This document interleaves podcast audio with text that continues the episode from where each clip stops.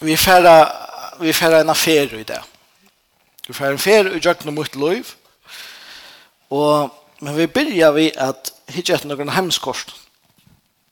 Jag älskar hemskost. Gåmelkost, särskilt. Man ser eh, man ser hur heimren er brøttur, eller hvordan fætan er heimren er brøtt. Man ser månen om korset tekna åren det funne Arn Columbus fann Amerika et latan og åren Australia ble funnet så var det bare et, et størst kontinent nere i botten og sånne ting. Ja. Um, til stort til det så ikke korset fra øron mentan fra øron uh, hemspørsten som har vært et annet sentrum uh, Til alle disse tingene, det viser til at at alltså det er, det er ikke hemmen som bröt men det är okkara fätan av hemmen som brötst. Så jeg får vise deg fyra kort. Her er det første. första. det äter uh, mappa mundi alltså korset av hemmen. Hetta hunker i Hereford katedralen i England og er tekna i 1300. Så gjør det hva det er. Her er uh, en stor parser av heimen under VIAs korsen. Ikke Amerika, ikke Australia, men uh, Europa, Asia og Afrika det er alt slått noe av korset. Det som forvirrer oss in det til at um, Norr er til høyre. Altså mine høyre til tikkere vinstre. Ja? Norr er handa veien. Så blir Ester bant opprett og bant opprett centrum i altså korsen det är Jerusalem. Eh, uh, vad heter det grej? Här. Så det är en cirkeln här. Hatt i Jerusalem. Bant upp i Jerusalem här är en krosser. Så det tydligt heter det Kristi kors. Korsen her, här är uh, flera bibliska fortellinger tecknar in. Uh, Babels torn är Uh, Eh Noa er är här Og Och her, at det er den. Eden er her. Her oppe her sier Jesus. Um, forskjellige stedene så er andre ting tekne inn. Her i i Skandinavia, på hva blir det? Det blir her i det, her oppe. Her stender det med over ski. Normen er øyla stolt av det. Så har vi ett uh, myare här, ta blåa som sträcker ned ett hända inn, og at det reier her oppe til sånn det reier her. Så jeg oppe i... Uh, ta blå så det är inte landningsgörnen nu, men oppe i vinstra hotne, högra hotne jag tycker. Ta neste korset.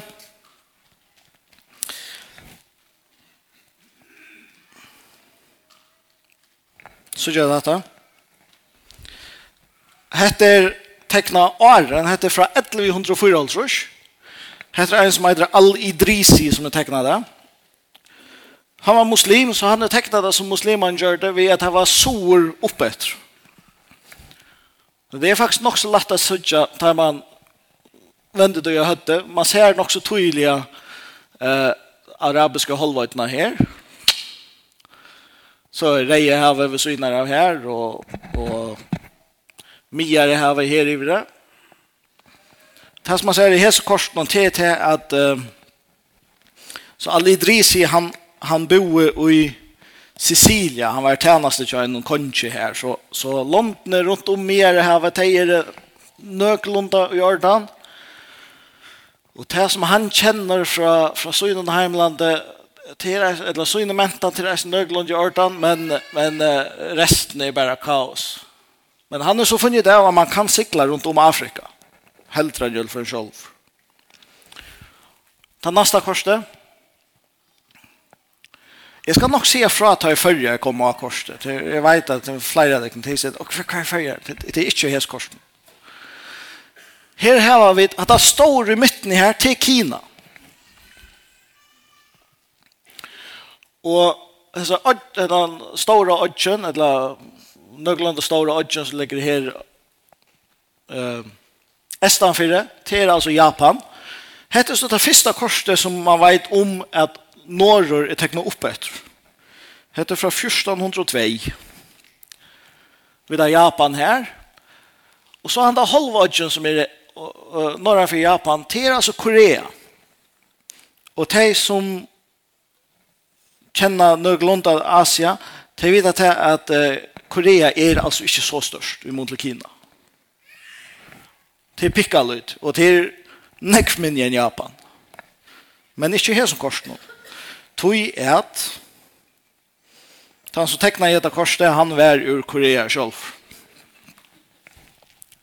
Han er så eisende finner i arabiske holdvøydene og Afrika vi. Um, men uh, til så ikke støtter måneden i middelen Afrika her og Korea her i det. Det her er han har tydelig rønt av just Korea nekv større og nekv tydningar miklare enn det vil laga ned. Og så kommer vi til korset her som følger i. Det er det her. Hetta eitur um, Karsta Marina. I Stutton. Jeg har vært ordentlig lengt navn, men det heter Stutton. Het så er kors i Norrland fra 1500 Og her sier jeg til at dette er aller helst det første ordentlige kors i Norrland som det var. Til tekne av en, en, sven, en svia som heter Olaus Magnus, eller Olaf Store. Uh, han var katolske prester, Men han flyttade ur Sverige till reformationen jeg här. Flyttade han till Polans. Men arbeid helt avfram fram at vi at att som katolska präster och, och var en biskop i Uppsala, eisne med han boe og i utlekt. Och han spänningen i mitten Luther, uh, Lutherske trunna och katolske trunna han sa stölja väl atro i Jesus korsen och. Mm Ehm ute i Atlantshavnen er fullt av ojor Nekv uh, ojor som leipa av båtar. Man ser runt om Osland här så kör det forskjellige båtar här och här är flera av dem blå tickner av ojor och sånt. Det som är sant är att öll de skipene som sökka till er skip ur Lutherskombojen Det ene skipet som klarer å bjerke seg bort fra en sånn avgjør, noterer et katolsk skip. Så, uh, Båskapen er nok så tydelig at, at det er altså katolisismen som bjerger dere. Hvis vi får videre til det neste slide, her har vi så følger av korsen til hånden. Og Laus Magnus, han bor i, i det som i dag er det gdanske Polen, og Hur tar sig av folk och så är han teckna och så är han eisen skriva en länga bok som förklarar allt det som är av korsen och tjasar. 1593 hever han alltså finns ju vissar att det följer hon drepa dig kväll. Nu så är det en man som är gångt vid att, att skära en kväll upp. Han säger själv att det är hävdjur som blev skåla i uppa land ta i åttna över er. Det er synd mer brutalt enn så. Men, men han er så finnes vi av det her at vi äta kväll. Og her sunnast til så jag här forskjellige ödjar han finns jo norder og soter og det är här uppe i i utenrikshatten utenrikshatten så er, jeg vet ikke, her ständer dom Jeg vet ikke om jeg mener dom eller hva det er. Lange sore, her har vi det som ser ut som er Nålsø og Strømø hinne med inn, Estan 4. Og dette sånnaste, hatt er altså munkeren. Nå tar vi ett er jo sore og alt mulig. Hatt er munkeren, og, og, og la oss han sier munkeren er tøtninga mye, han er ordentlig tøtninga mye, tøy er at, for det første, hvis du blir avloppet av en avgjøre, hvis du klarer å komme innom munchen, så vil du bjerga av. Han er sjående katolikker som omkring er. Ja, det er skiljet. Og så langt skriver, skriver Olaus Magnus och Botchen så så langt som munkeren ver standande, så er vogn for Norrland.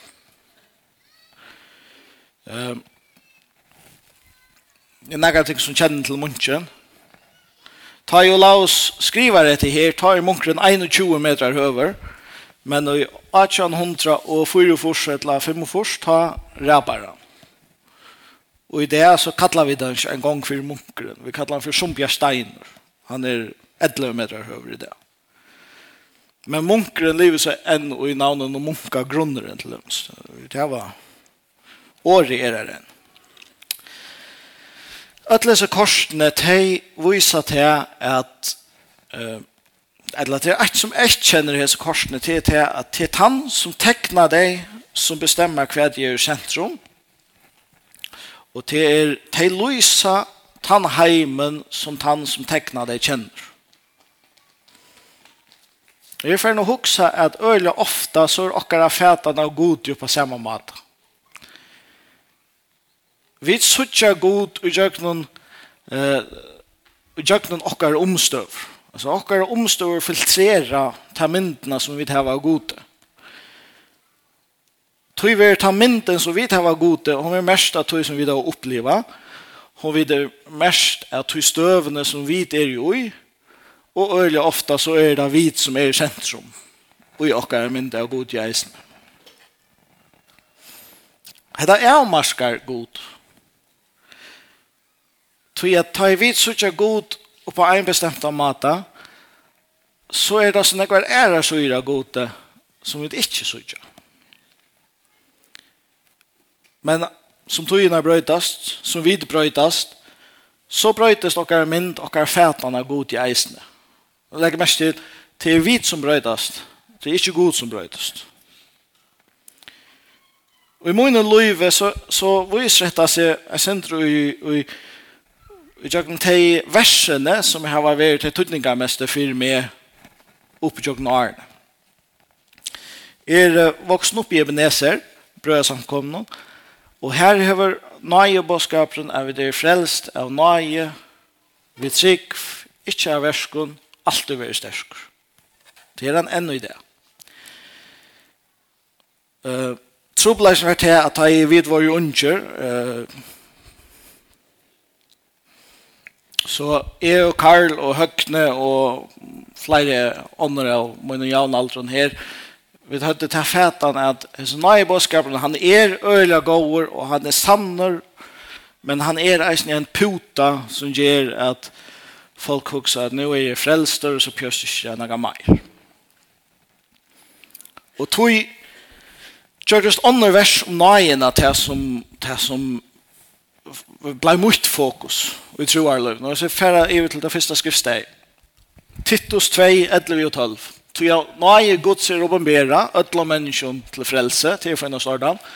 Hon vener okken opp at avnokta godløse og hinner li og gjernter, liva samliga, rattvist og godlige og i heimnum som nu er. Ta blei det som vi fokuserer på, at vi må liva heilagt.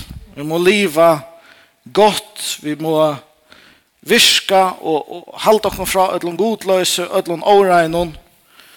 Vi tala om det, dette var de gamle døvene ta i, ta i talarstolen var åpen, öll slupp fram et. Og vi tildi okkur fram et. Um, det har ført så til negv godt og okkurs minne godt og til tøyer så var det omkring de eldre som fyrir opp og lukka vill det rätta och och nog och rätta kaos och det här blev nog så ofta av och så att det så fudgen där tror jag att nu skulle ta att det kommer att vara nöjboskap, det är kedliga nöjboskap om vi kunde leva som vi ville. Um, vi lät ju känna glöj där, vi tillte bara fram. Vi fortsätter vi här som här som um, vi är lägga någon, jag syns det låga kända nöjboskap någon. Så nøyen, hun er ikke bare frelst dere, men hun lærte dere å leve heilagt, og av nøye Guds evige til som jeg er, og nøye hans er mot meg, hun vil ikke være til åndkjøs, nei, jeg vil arbeide mer enn tar adler.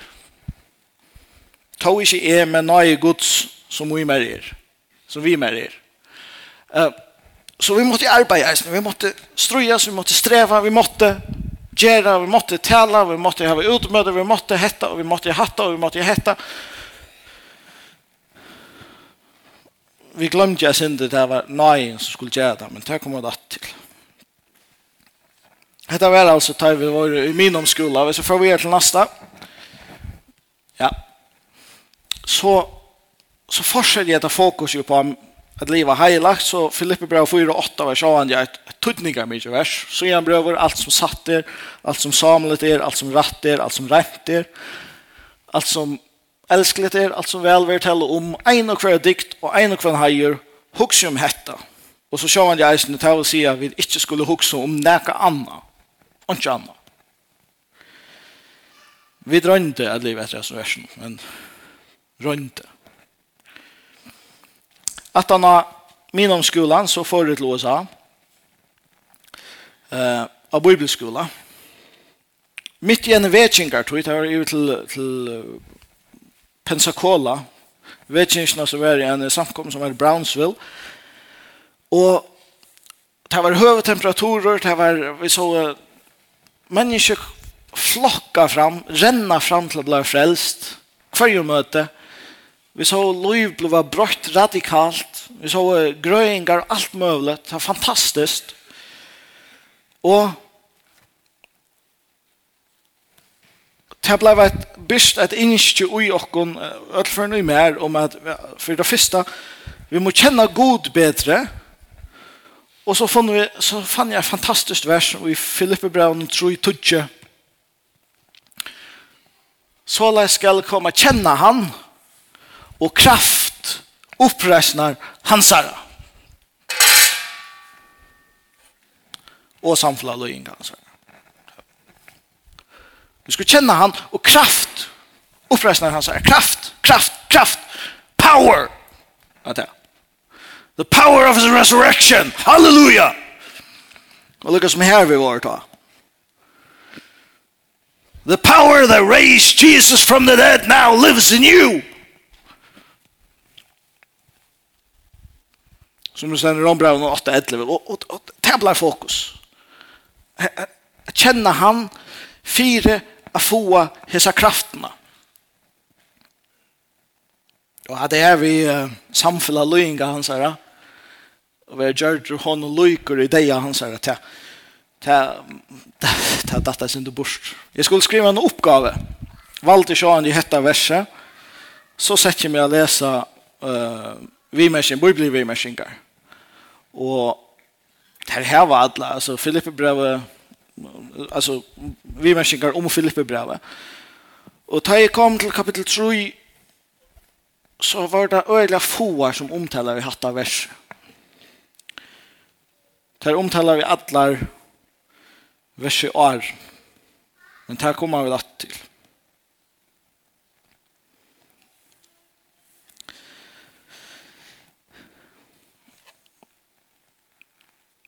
at han har tvei år i hesemiljøen så nu har vi at vi skal leva heilagt vi skal kjenne han og vi skal fotla kraft.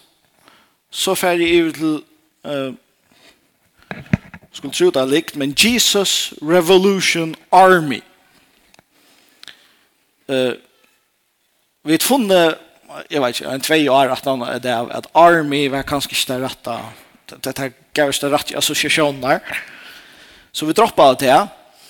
Men ta hött vi det alltså bakt åren omhugsa å begynne å kalla det for eller att börja en adult som skulle äta guerrilla groups.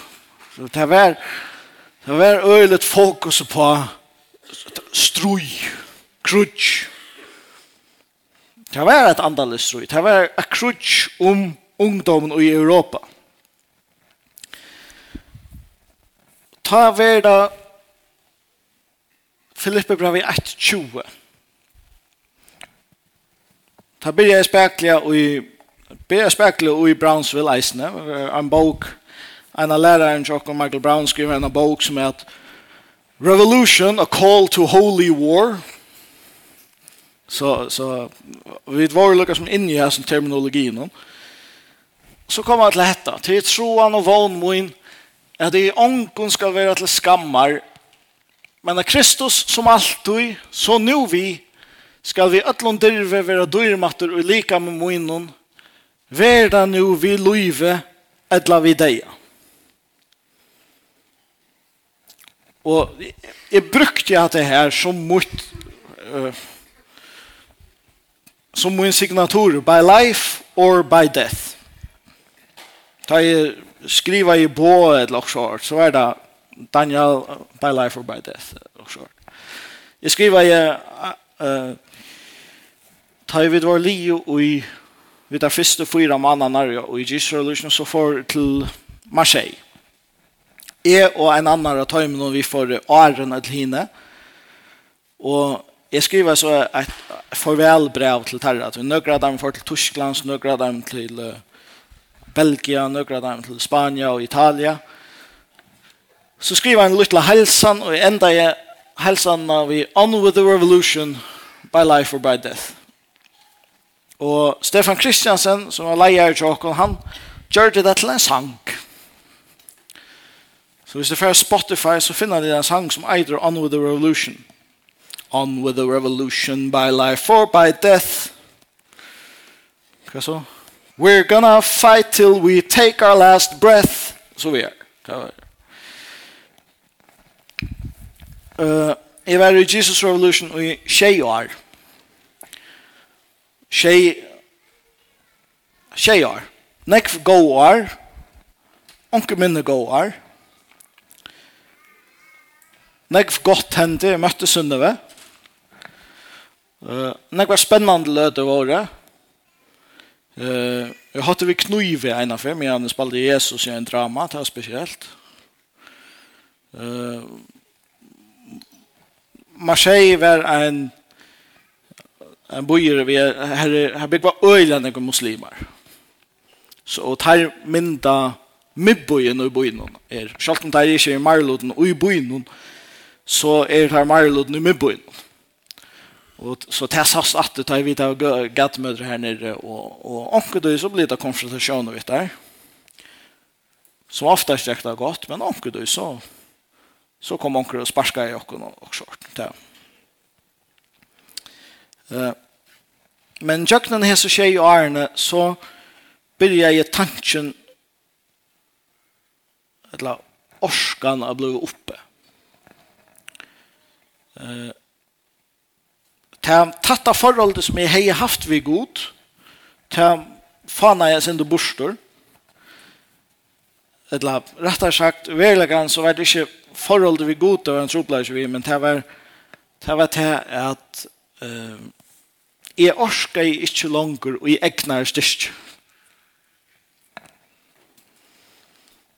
Och ta börjar jeg skilja kvui i Filippe brev tror jeg tutsi ikke var fokus til at det ætlens bibelkommentaren. Vi får til her. Filippe brev tror jeg 8 og 9. Toi Filippe brev tror jeg tutsi om å kjenne han og å kjenne kraft oppresten av hans herre var bygd på at vi har funnen og i rettvisene som er vi trygg av Kristus.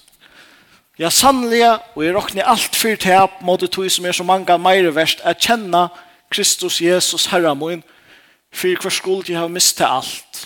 Og jeg råkner til fyrt skatten, for at jeg kan vinna Kristus og være funnen og i hånden.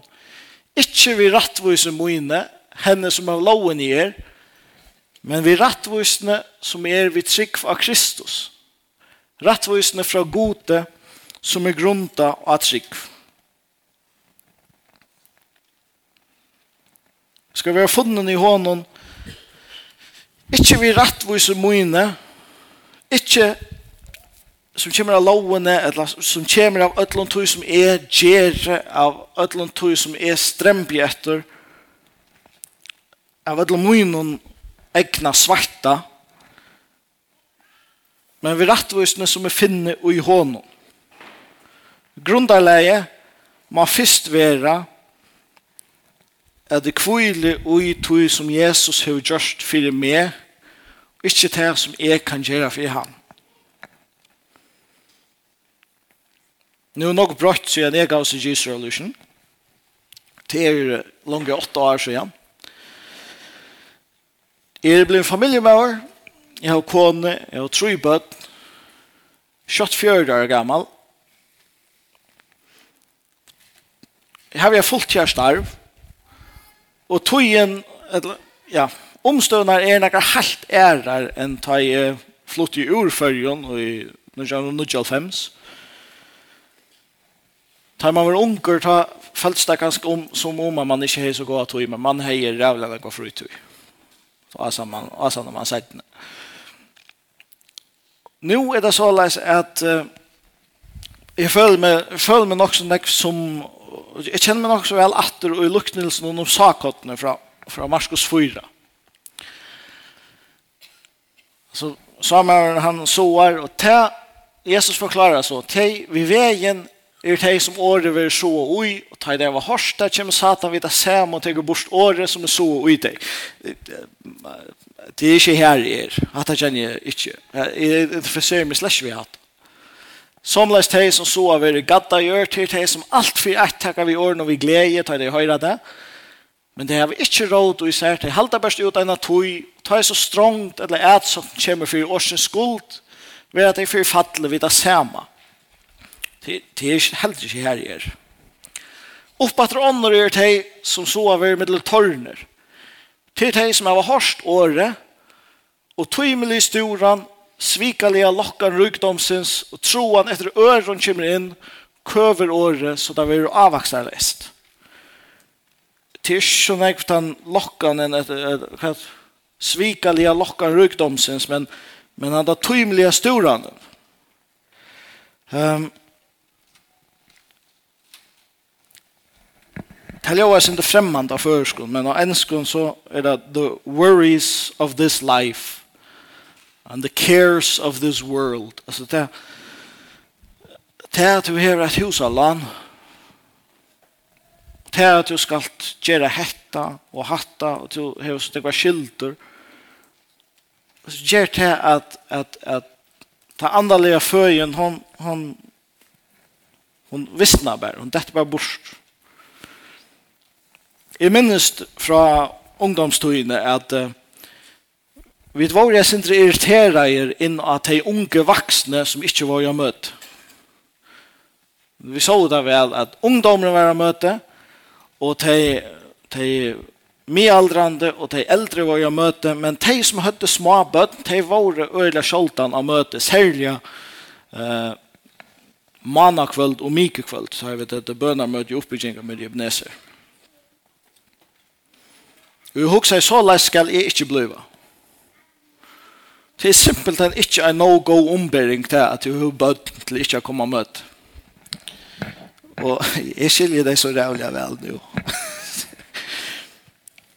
Tror jeg tar man kommer hjem, og har haft en engang arbeidssted, så skulle bøttene hengtast, så skulle bøttene køyrast, så skulle jeg hengtast.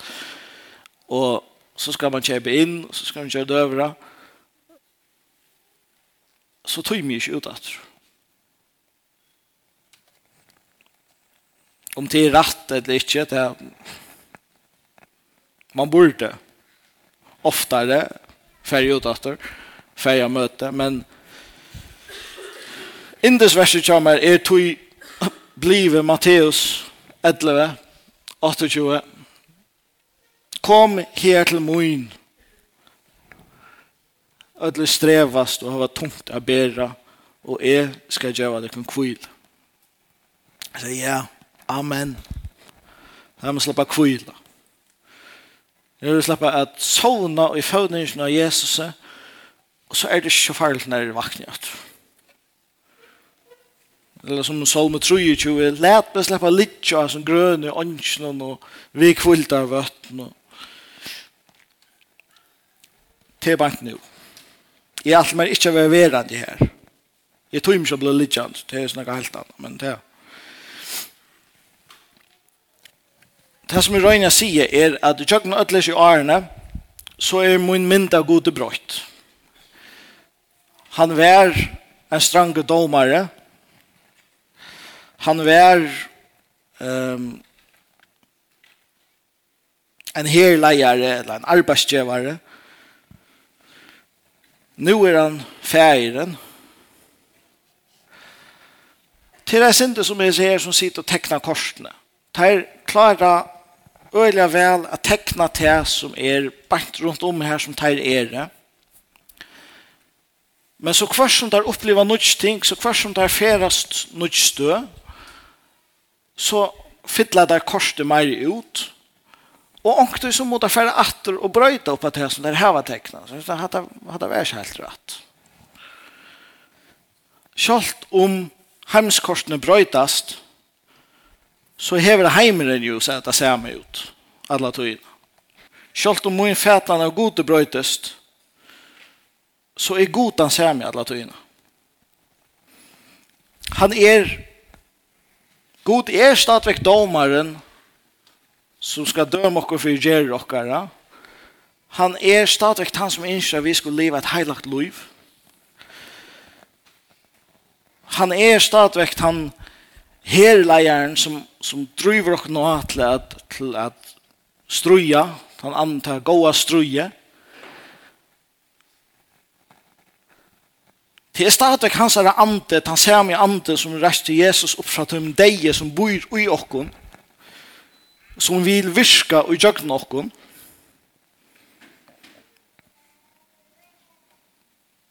Han er han som gjør noen kvile.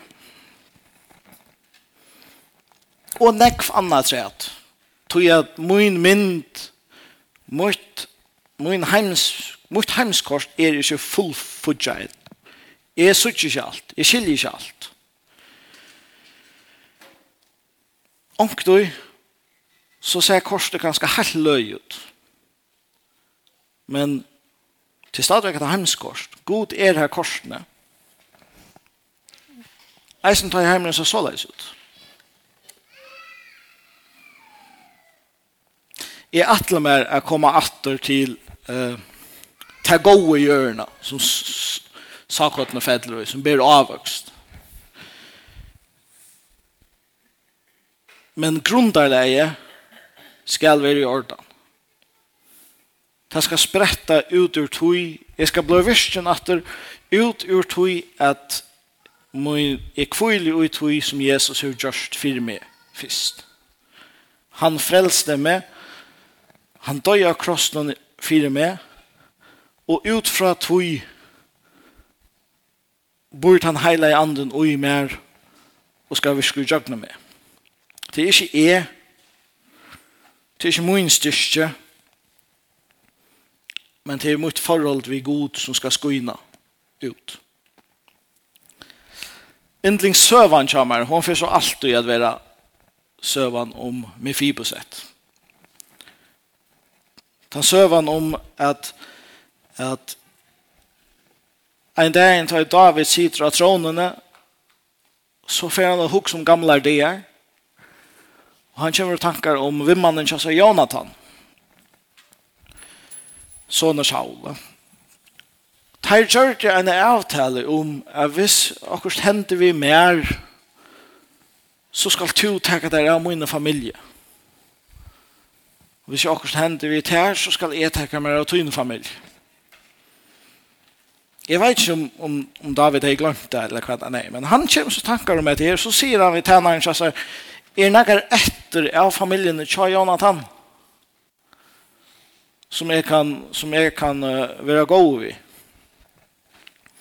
Og hvis nere han sier så, tjeneren sier, ja, det, det er det en, men altså, du, du først ikke bruk for henne på nærkere mat. Han er med fyr på sett, han lemmen bare om beinen. Ta i, ta i, ta i hørte til at Jonathan var deg, så tok badnadjenten han, visste her, hun var rennende, og hun datt dronker breid bæg beinene. Og, og han går med seg ut i øymersen. Han er livet her, sier. Aller helst, det var bensje for hva David for å gjøre. Her pladde jo å drepa familiene. David fer så etter henne. Han hentar han ur øyemørsene, flyter han inn i slottet kjasser. Så nu skal du släppa byggva her. Du skal släppa att eta her. Du skal slippe sitte til bors sammen med mer. Men 4% er ikke gjørst. Han er ikke oppebort her på nægra mat. Men jeg går ikke umynda til at ta i til som bjør til døvra og i palassen av David så sitter David seg ved endan så kommer sinner inn Absalom, flott hun har, Salomon, han var øyla kloker. Tamar som var så, så vöker att hon fick annan batchen och chass, ena batchen och chass till att jag hörde. Nej tog henne och dräpa och annan. Så det. Och så ser man vi ötläs ner royale så kommer han lamne med fibset in. Han passar inte in i jag som inte. Saman vi allan hin og troar hetsnun, så slapp jeg eisen i e a sida til bors. Jeg slapp jeg eisen i at sita saman vi Jesus at kjenna god. Ikke årsaka til som jeg har gjort, ikke årsaka at noen som jeg klarer å prestera, bare årsaka at du som Jesus har gjort for meg. Så ta i togene brøytast, Ta i omstøvna brøytast, ta i vid brøytast, så stendet det allukava fast at Jesus døye for jokken, Han innskjer at kjenne okken, Han innskjer at liva og jøgn okkon. Amen.